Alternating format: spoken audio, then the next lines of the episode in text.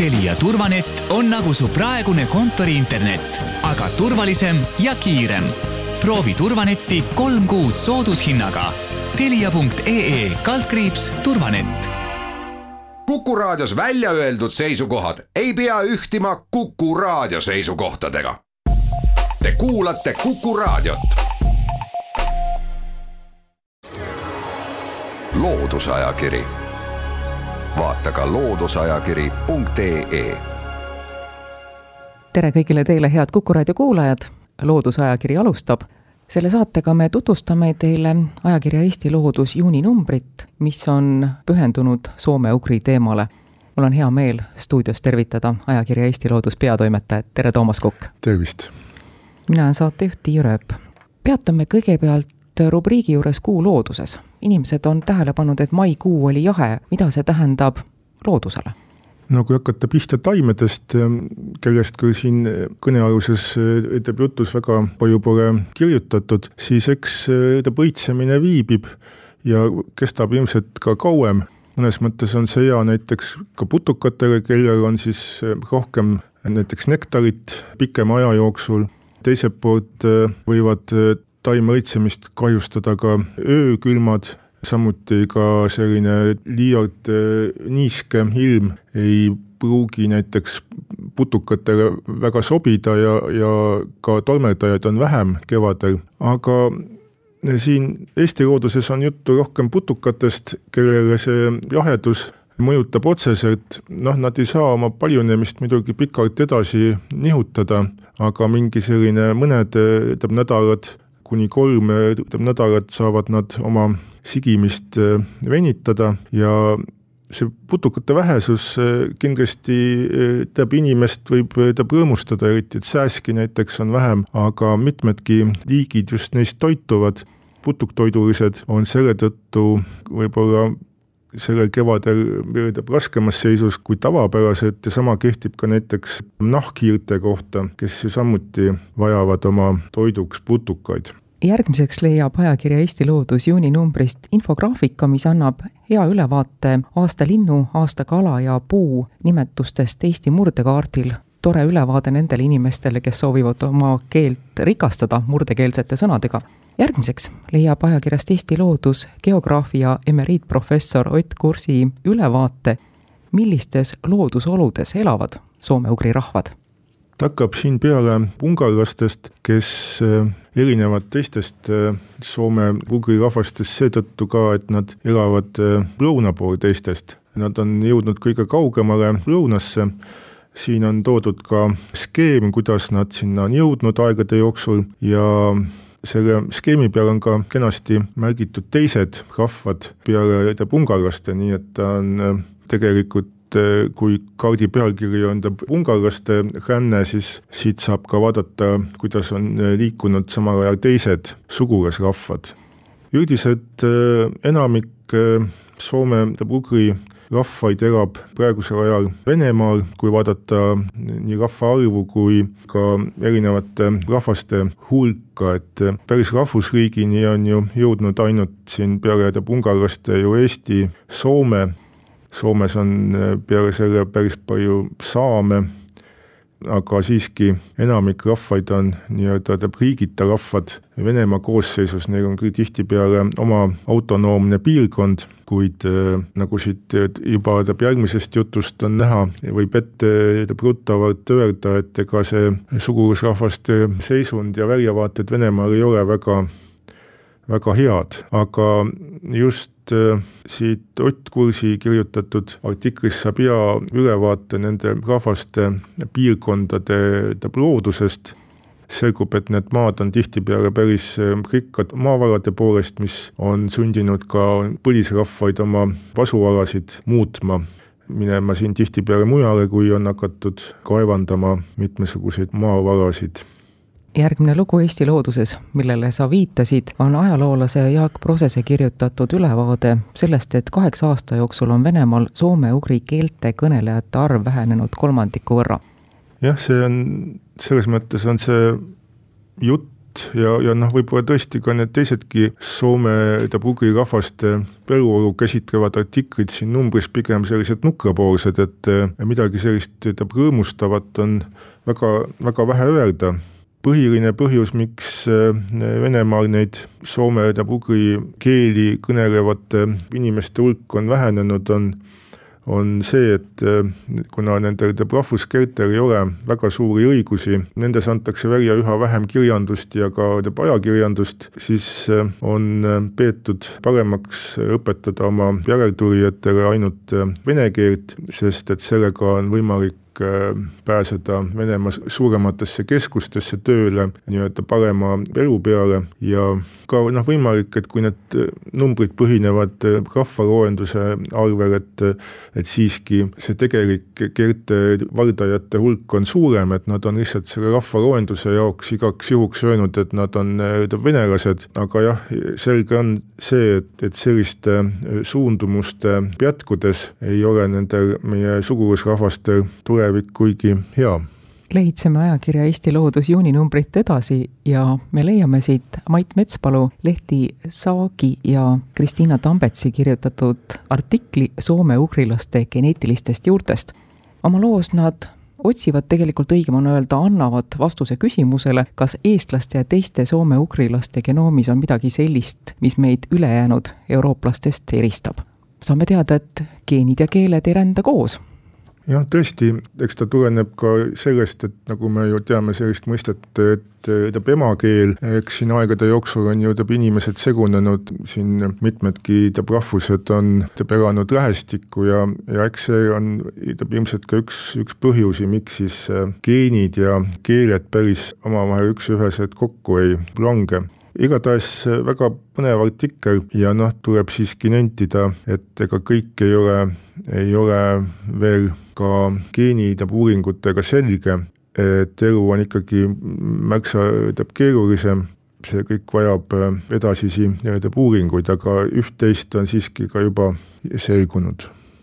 Järgmine lugu ajakirja Eesti Loodus juuninumbrist on loodusnimetuste ühistüvedest, mis ulatuvad soome-ugri algkeelde. Sven-Erik Soosaar on selle autor ja, ja siit saab lugeja näiteks teada, mis on üks vanimaid sõnu eesti keeles minu jaoks oli põnev lugeda seda, et kui me mõtleme imetajate nimetuste peale, siis kõige paremini on säilinud just nimelt väikeste loomade nimetused, näiteks hiir ja siil ja nugis, mis on väga vanad sõnad, aga seevastu suurte ja ohtlike loomade nimetused, need on hoopis uuemad. No jaa, eks me teame ka ju siit eesti keelest, et ei saa seda hunti õige nimega kutsuda, tuleb välja mõelda teisi nimesid võimalik, et see on üks põhjusi, miks sellist ühte ja ainsat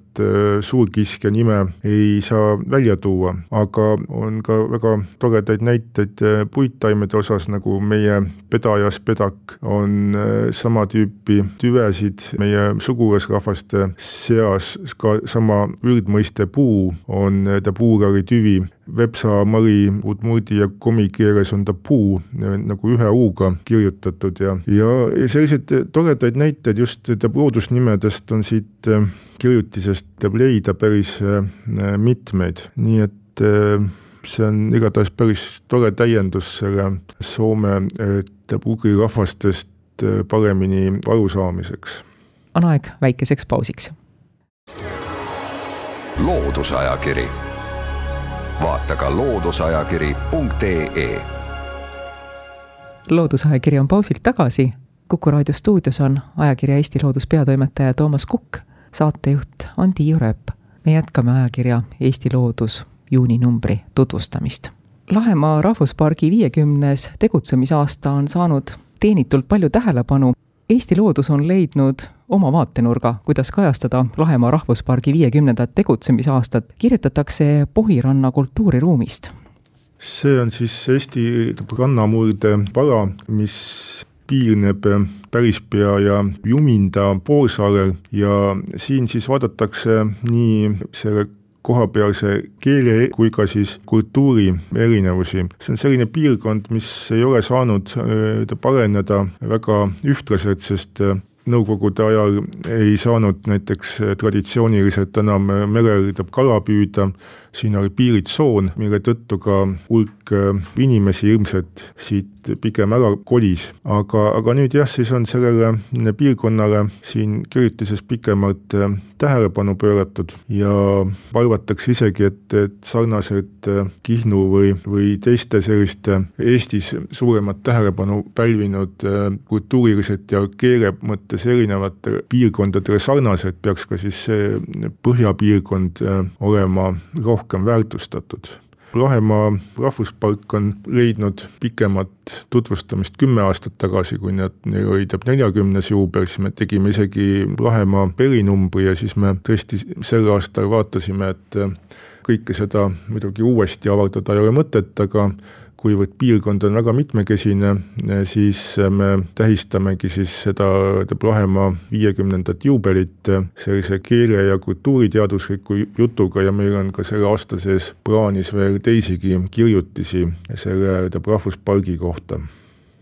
rubriigis Tegutse teadlikult kirjutab Martin Tikk sellest, kuidas ära tunda looduslikku pühapaika ja seal väärikalt käituda.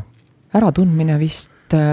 vajab kas õppinud silma või parem on joonduda selle järgi, kui on vastav tahvlike juures, aga see, kuidas sellises kohas käituda, see on küll üks asi, millele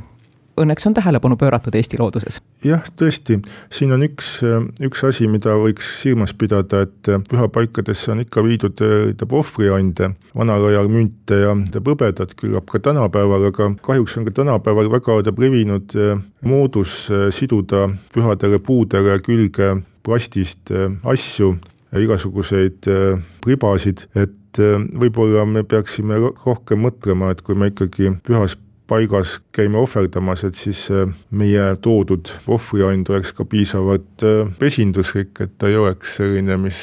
paistab looduses silma, kui oleks keegi sinna oma prahti viinud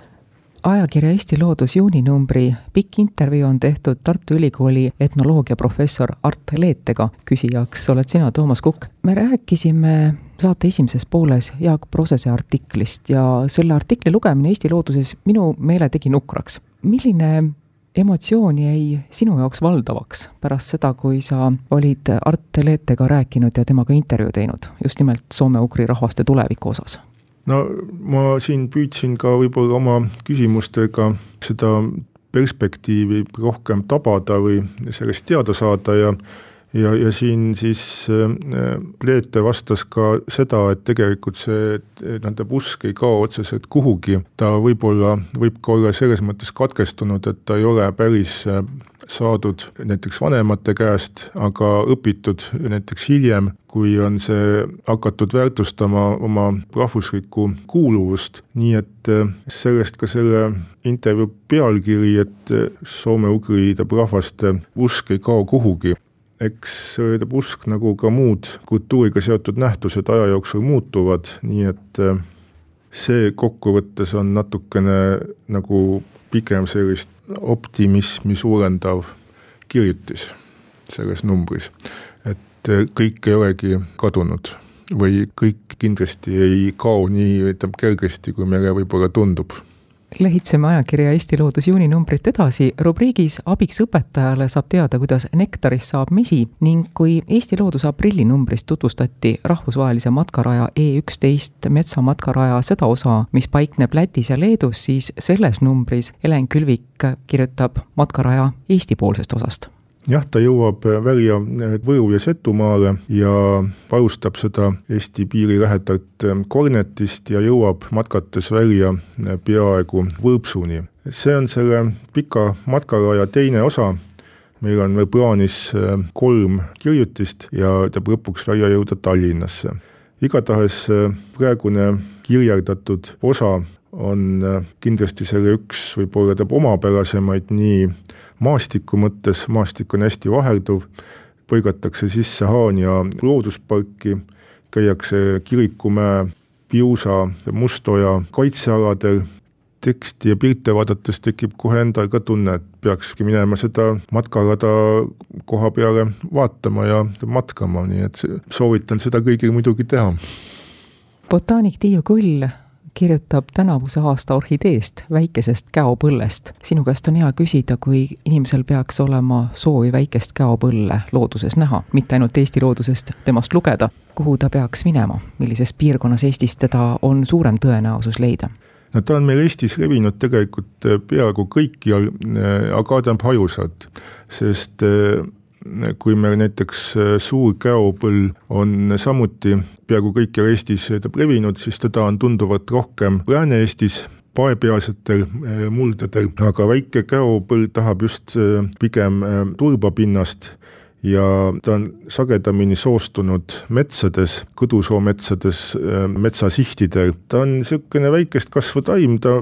ta kasvab, teeb harva kõrgemaks kui kümme sentimeetrit, kuigi on ka leitud siin umbes kolmekümne sentimeetriseid ja ka enda välitööde praktikast ma võin öelda, et ega selle taime tähelepanemine ei pruugi alati olla kõige lihtsam, aga on ka nii, et kui oled juba ühe taime leidnud, siis üsna kiiresti märkad, et neid taime võib olla tegelikult ühes kohas päris palju. sest tema üks omapärasid on ka see, et ta võib, tähendab, levida vegetatiivselt, tema